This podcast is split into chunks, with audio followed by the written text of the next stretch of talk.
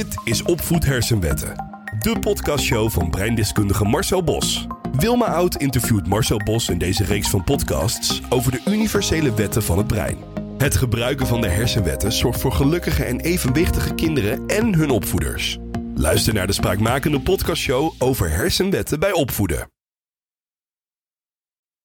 Hoi luisteraar, dit is Hersenwetten, de podcastshow van Marcel Bos. Marcel Bos is auteur en breindeskundige, of eigenlijk moet ik zeggen, in de eerste plaats breindeskundige en auteur met lichte tegenzin. Nee, zeker niet. Nee, ik, ik schrijf heel erg graag. Ik vind dat zo'n mooi, mooi proces.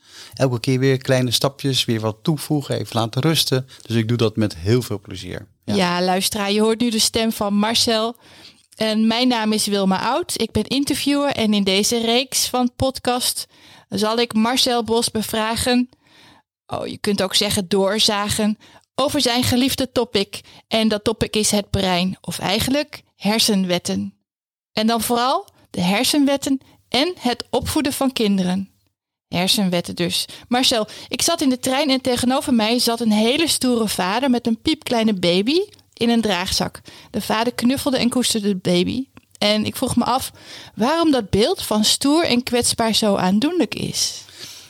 Ik denk eigenlijk dat als uh, wij het beeld zien van dat welke ouder dan ook een kindje knuffelt, dat dat voor ons aandoenlijk is. En dan maken we oxytocine aan. En het geeft een gevoel van, van vertrouwen en verbondenheid. En dan ook nog een keertje de extra tegenstelling. Met zo'n stoere vader met een heel klein hartje en die dan voor zijn kindje zorgt. Ja, ja ik zag ook, of ik realiseerde mij, de enorme verantwoordelijkheid die je zomaar hebt als jonge ouder. Totaal onvoorbereid vaak, zeker als het een eerste kind betreft. Ja, dat, dat, dat, dat klopt. En dat is eigenlijk hartstikke jammer dat we dan zo onvoorbereid zijn. Want we, gaan, we leren wel hoe we kinderen moeten maken, maar niet hoe we ze moeten opvoeden. Nee. Dus dan doen we maar wat. Met de beste bedoeling ter wereld, met alle liefde die we hebben. Maar toch doen we niet altijd juist. We doen het niet altijd juist. Nee. Hoe erg is het om fouten te maken?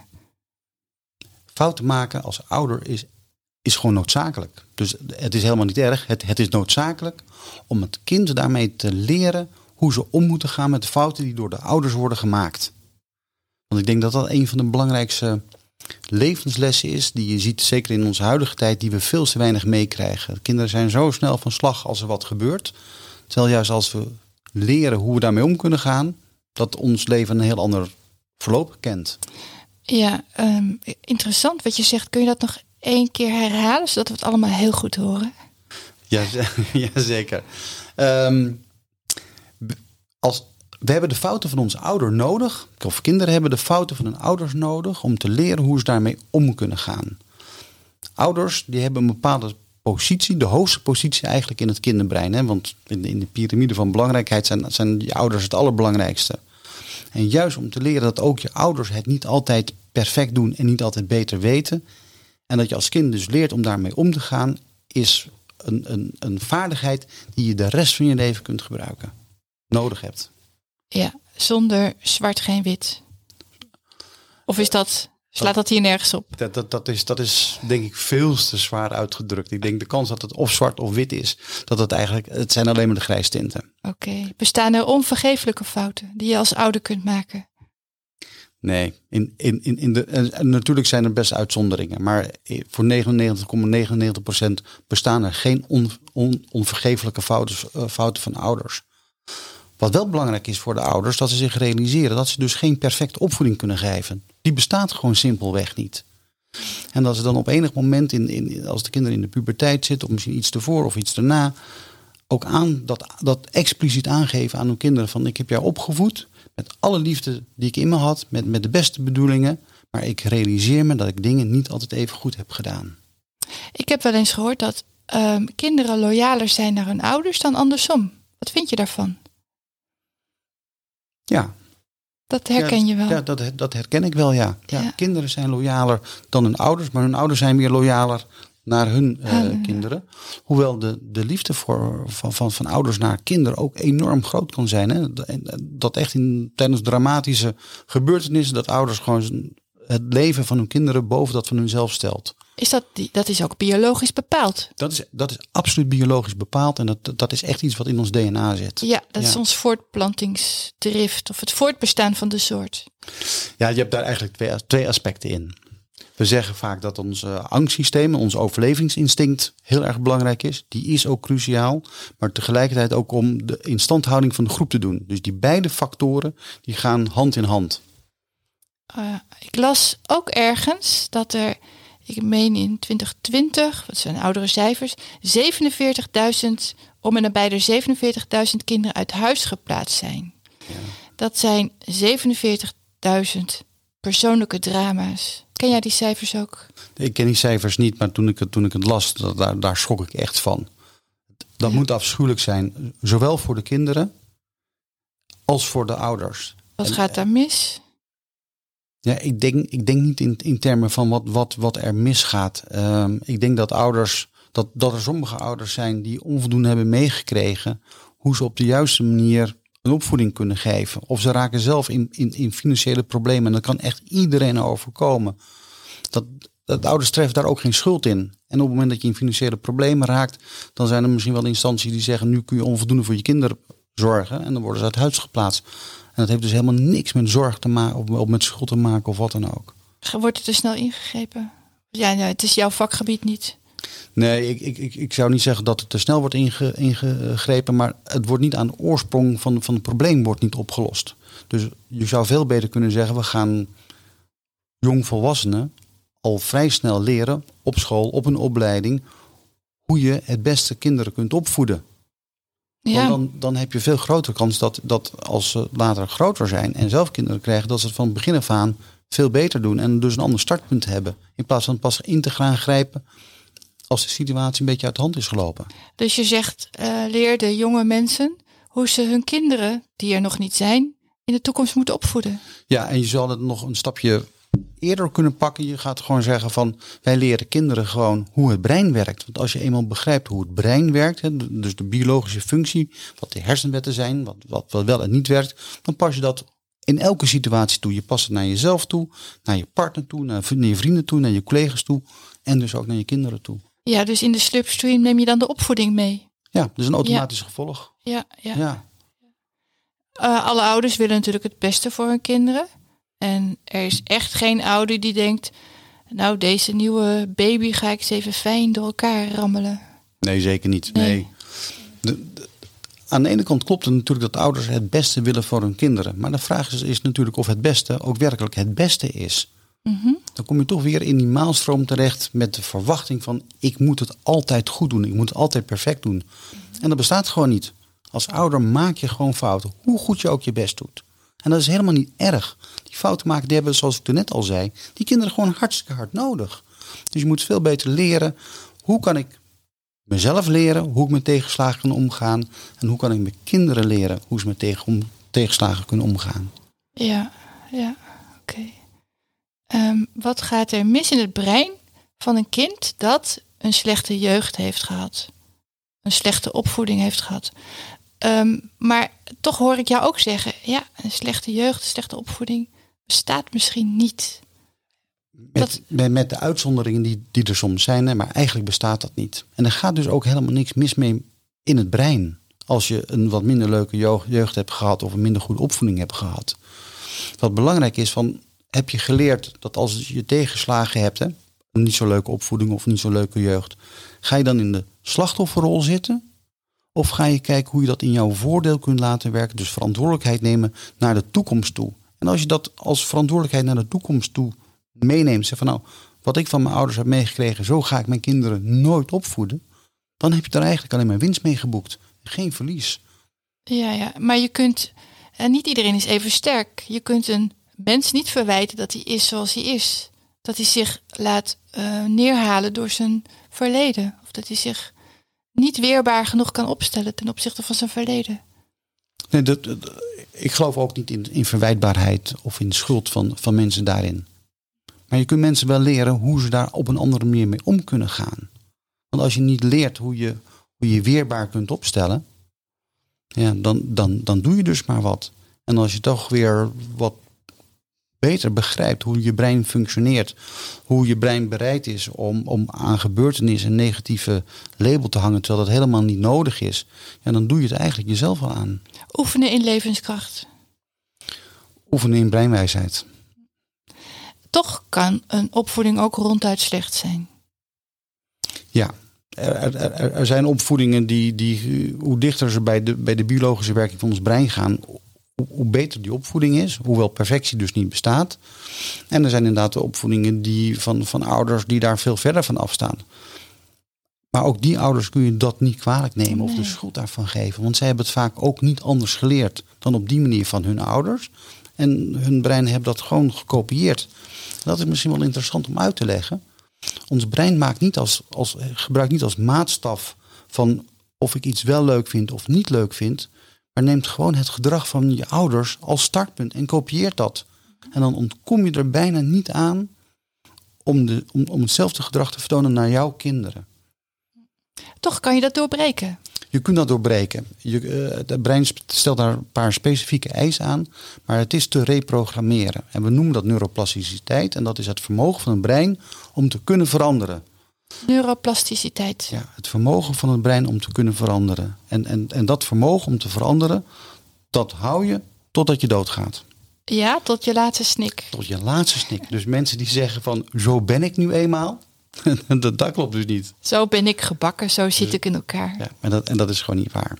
Wat wel lastig is, is dat je op een gegeven moment je brein het lastig vindt om de confrontatie aan te gaan met dat jij regels hebt overgenomen van anderen, van je ouders, zonder dat je daar kritisch op bent geweest. En dat die regels in onvoldoende mate goed werkten, terwijl de regels van wie je ze hebt geleerd, dat, daar had je zo vreselijk veel vertrouwen in.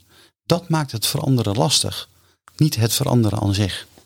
Ja, ja want kom maar eens terug op een, patroon van een patroon of op een standpunt. Precies. Ja, dat, dat, dat is gewoon echt fysieke pijn voor het brein. Dat kun je ook meten. Dus een klein gedeelte in het brein heet amygdala. En amygdala wordt ook wel eens gezegd. En dat, dat, is gewoon ons pijncentrum. Wil je die twee woorden nog even herhalen? Het, twee broden, het is hetzelfde woord, amygdala of amygdala in het Engels. Oké, oh ja, ja, ja, dat, is, dat is ons pijncentrum. Dat is ons pijncentrum, ja. En wanneer is een opvoeding oké? Of kun je dat, die vraag ook niet beantwoorden? Wanneer is een opvoeding oké? Nee, dat, dat, dat kun je dus ook niet zo op, op, op die manier verwoorden. Je kunt niet een boekje schrijven met regels. En als je kind zo opvoedt, is het slecht. En als je kind zo opvoedt, dan is, dan, dan is het goed. Dat, dat, dat bestaat helemaal niet. Ze bestaan wel, die boeken. Die boeken bestaan wel. Ja. En hoe goed helpen ze? Ja, jij bent daar geen voorstander van het, het, het is een illusie om te denken dat, dat het bestaat. Ja. Kijk, wat, ik denk dat op het moment dat, dat ouders, wanneer ze met, met liefde hun kinderen grootbrengen, daar hun best voor doen. En, en kennis en notie hebben genomen van hoe ons brein werkt en zich daaraan proberen vast te houden en te gebruiken, dat dat al ruim voldoende is voor een goede opvoeding. Maar er bestaan geen goede opvoedingen, want als ik kijk naar mijn eigen rol als vader, naar mijn kinderen, en aan mijn kinderen vraag van wat, wat vonden jullie nou niet zo leuk van papa in, in de opvoeding, hebben ze alle drie een andere mening. Ja. Zij zijn alle drie, zijn ze qua individu anders, hè? Mhm. Eigen. Dus ervaren ze ook mijn opvoeding op een andere manier. Dus er bestaat geen manier die perfect bij hun past. Dan zou ik ze open moeten slopen en kijken in hun DNA om daar de opvoeding op af te stemmen. Ja, en, dat gaat gewoon niet. Ja, de vorige uitzending, aflevering, zei je al dat je dochter zei: je had er vaker moeten zijn voor mij. Ja, en, en vooral ook mijn middelste zoon, die, die zei dat van ik had er vaker voor moeten zijn. En ja. dat begrijp ik ook, en heeft ook helemaal gelijk in. En mijn, en mijn dochter zei dat ze vond dat ik haar wat, wat minder op een mannelijke manier had Oh, dat was het verschil, ja, ja. ja. ja. dat klopt. Ouders zijn vaak kinderachtiger dan hun kinderen. Ja. Uh, dat, lees, dat las ik in, uh, in je manuscript van het boek, wat uitkomt hè, binnenkort. En het boek heet, wil je het even herhalen? Hersenwetten als bouwstenen bij opvoeden. Ja. ja. En eh, voor dat citaat wil je in deze podcast wat extra aandacht. Ouders zijn vaak kinderachtiger dan hun kinderen. Kun je dat uitleggen aan ons? Ja, zeker. Kijk, het, het, het is kinderachtig gedrag wordt uh, gezien door heel veel mensen überhaupt als negatief. Maar het mm. hoeft natuurlijk niet altijd negatief te zijn. Hè? Dat eventjes vooraf. Het is met opzet een beetje een prikkelende uh, quote geworden. Mm -hmm. Om mensen te laten realiseren dat als je kijkt naar hoe het brein werkt, dan leren wij 80% van hoe we ons gedragen in ons volwassen leven, leren we in de periode van 0 tot 8 jaar. Mm -hmm. Dus de informatie die ons brein verzamelt in die periode wordt gebruikt als uitgangspunt om ons in ons volwassen leven te gebruiken. En wat wij zeggen, op het moment dat je volwassen gedrag gebaseerd is op de regels die je van 0 tot 8 jaar hebt geleefd of geleerd, is dus kinderachtig gedrag. Ja, ja. Ehm, En, en, en wat je dus ziet, om nog even aan te vullen. graag. Je, je ziet dat vanuit de maatschappij wordt verwacht dat ouders, volwassenen, zich volwassen gedragen.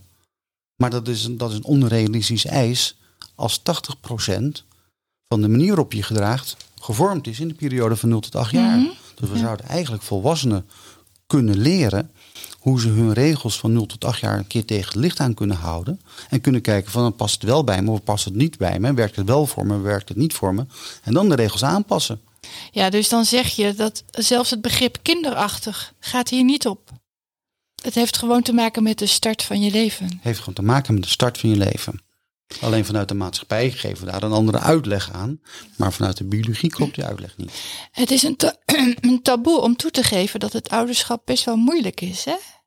Ja, en, en, dat is eigenlijk weer precies hetzelfde fenomeen. Vanuit de maatschappij leren we van dat, dat, dat als, als je kindje wordt geboren, dan leef je op een roze wolk en dat zet zich voort en zo.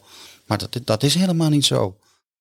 Een kindje geef je wel de kans om je, om je te confronteren met de dingen die je niet goed doet. Ja, En als je dat als iets positiefs ervaart en dat aan kunt passen, kunt reprogrammeren, dan is, dan is een kind het beste leermiddel voor jezelf om jezelf naar de volgende fase te brengen. En dan is het wel een zegen. Als, Ja. als je moeite hebt om over je eigen schaduw heen te stappen en in je eigen gelijk blijft staan, ja, dan, dan is het gewoon af en toe niet zo leuk. Maar het Maar- is ook, ook helemaal niet erg, want ik, mijn kinderen kunnen mij wel eens achter het behang plakken. Spreekwoordelijk gezien. Ja. Maar er zijn natuurlijk ook momenten dat ik mijn kinderen achter de bank kon plakken omdat ze gewoon vervelend zijn. ja, Maar op het moment dat je weet hoe je daarmee om kunt gaan, dat het gewoon hoort bij de levensschool in een ontwikkeling naar volwassenheid, dan, dan haal je toch een beetje het, het, het scherpe randje ervan af. Maakt ouderschap gelukkig? Hmm. Ouderschap kan je zeker heel gelukkig maken, maar het kan je ook ongelukkig maken. Dus ik, dus ik, zeg, ik, zeg, ik durf niet zeg maar, de stelling aan van ouderschap maak je per definitie gelukkig. Ik denk dat, dat ouderschap of kinderen je eigenlijk, als ik het even fors mag formuleren, je dwingen in je persoonlijke ontwikkeling om meer in balans te komen. En op het moment dat je zelf in balans komt, maakt, is dat wat je gelukkig maakt. En is het erg dat het iets je ongelukkig maakt? Nee, zeker niet. Dat, dat, dat, dat is ook zo'n zo'n fabeltje dat mensen zeggen van nou, ik, ik ga alleen nog maar leuke dingen doen en ik moet een gelukkig leven hebben en zo. Terwijl ons brein daar heel anders over denkt. Ons brein heeft wat wij noemen de 50-20-30 regel. Want dat klinkt best wel ingewikkeld, ga ik even uitleggen. Graag. Als je 50% van de tijd jezelf gelukkig voelt, dan is het altijd een- een- een- ongeveer zo'n 20 tot 30 procent van de tijd dat je niet gelukkig voelt, maar ook niet ongelukkig voelt. En wat je brein dan doet, die telt dat die neutrale tijd bovenop de gelukkige tijd en komt dan tot de conclusie dat je voor 70, 80 procent hartstikke gelukkig bent. Wat een heerlijke woorden. En, we, en we, ons brein heeft gewoon echt 20 tot maximaal 30 procent niet leuke tijd nodig om de leuke dingen leuk te blijven vinden. Want zonder zwart geen wit. Zonder zwart-wit. Precies. Heeft ouderschap dan het in zich om zowel geluk als ongeluk te vermeerderen? Als je het goed doet, als je begrijpt hoe het brein werkt, als je de hersenmessen toepast, dan gaat het maar één kant op en dat, is, dat vermeerdert het geluk. Want om, om, om, om kinderen groot te mogen brengen die, die evenwichtig zijn, die zelfstandig zijn, die gelukkig zijn, die in staat zijn hun eigen pad te bewandelen in het leven, dat, dat maakt heel erg gelukkig. De struikelstenen die je zelf laat liggen, die komen je kinderen tegen, Marcel. Ja, dat Ja. is zeker waar. En, en, en als je nog een beetje teruggaat in de tijd, dan zijn het dezelfde struikelstenen van jouw ouders, die weer van hun ouders. En dat, dat gaat zo drie generaties of nog wel Ja, langer door. ja, ja. En dat geef je dan gewoon door. Ja, ja. En als ouder kun je dus gewoon daar, daar een trendbreuk in realiseren. En zeggen van, maar ik ga die struikelstenen dus niet doorgeven. Ik ga ze ombuigen. Is er een bepaalde hersenwet die hier opgaat of past dat niet bij, bij dit verschijnsel?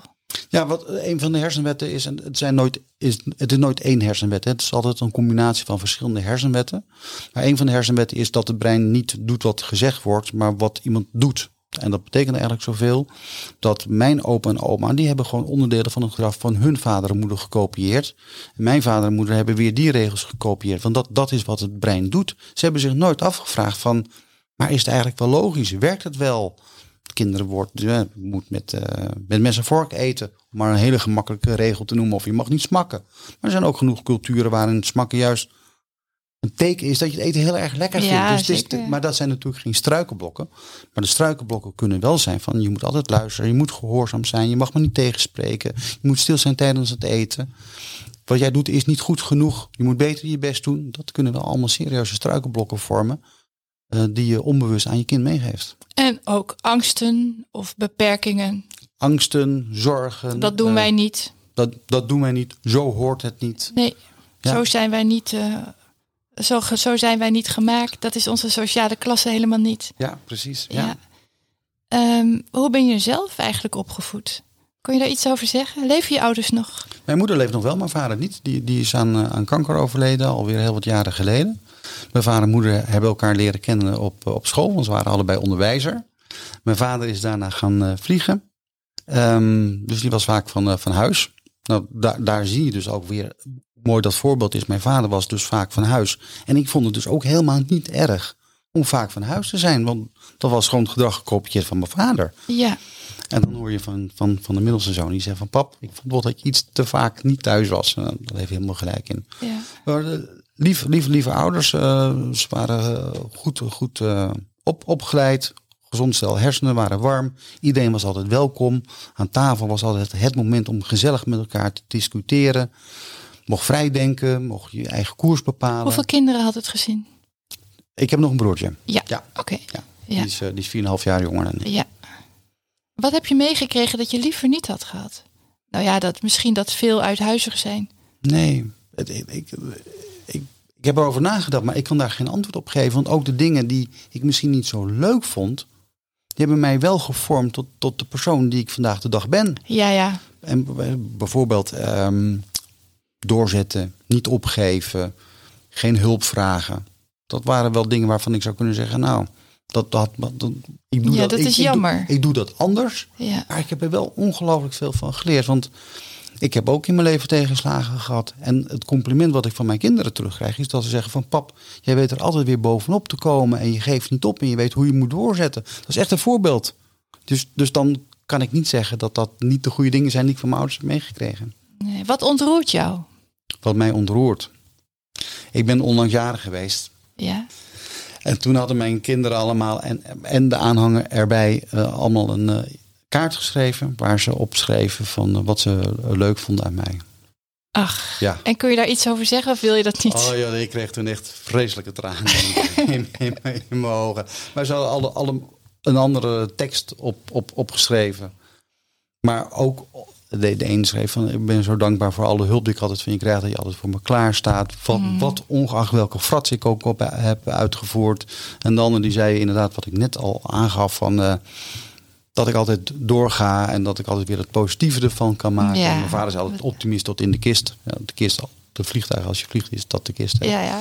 Dus, dus, dus, dus ja, dat, dat zijn dan echt hele mooie momenten om te zien dat zij eh, ja, zulke, zulke mooie volwassen mensen zijn geworden. Die zo zelfstandig in het leven staan.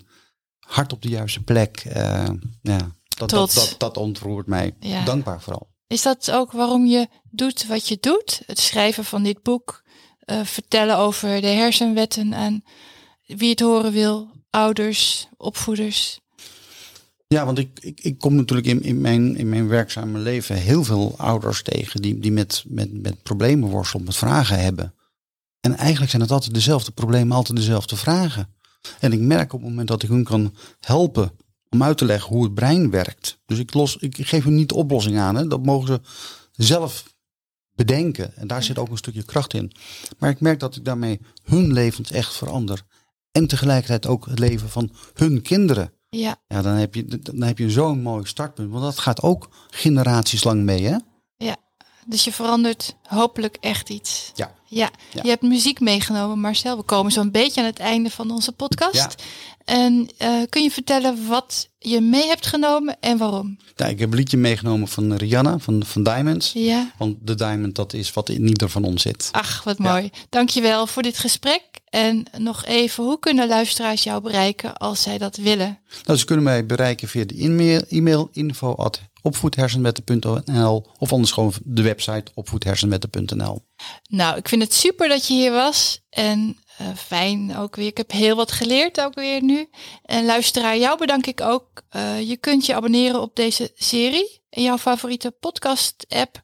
Voorlopig heet het eh, podcast Hersenwetten. Klopt dat? Of zullen we dat nog veranderen? Wat doen Ja, we? ik, ik neig toch wel naar opvoedhersenwetten. Opvoed hersenwetten. En nou, luisteraar, je hebt het gehoord. Laat gerust een bericht achter. We ontmoeten je graag bij de volgende podcast. En tot die tijd, heb het goed.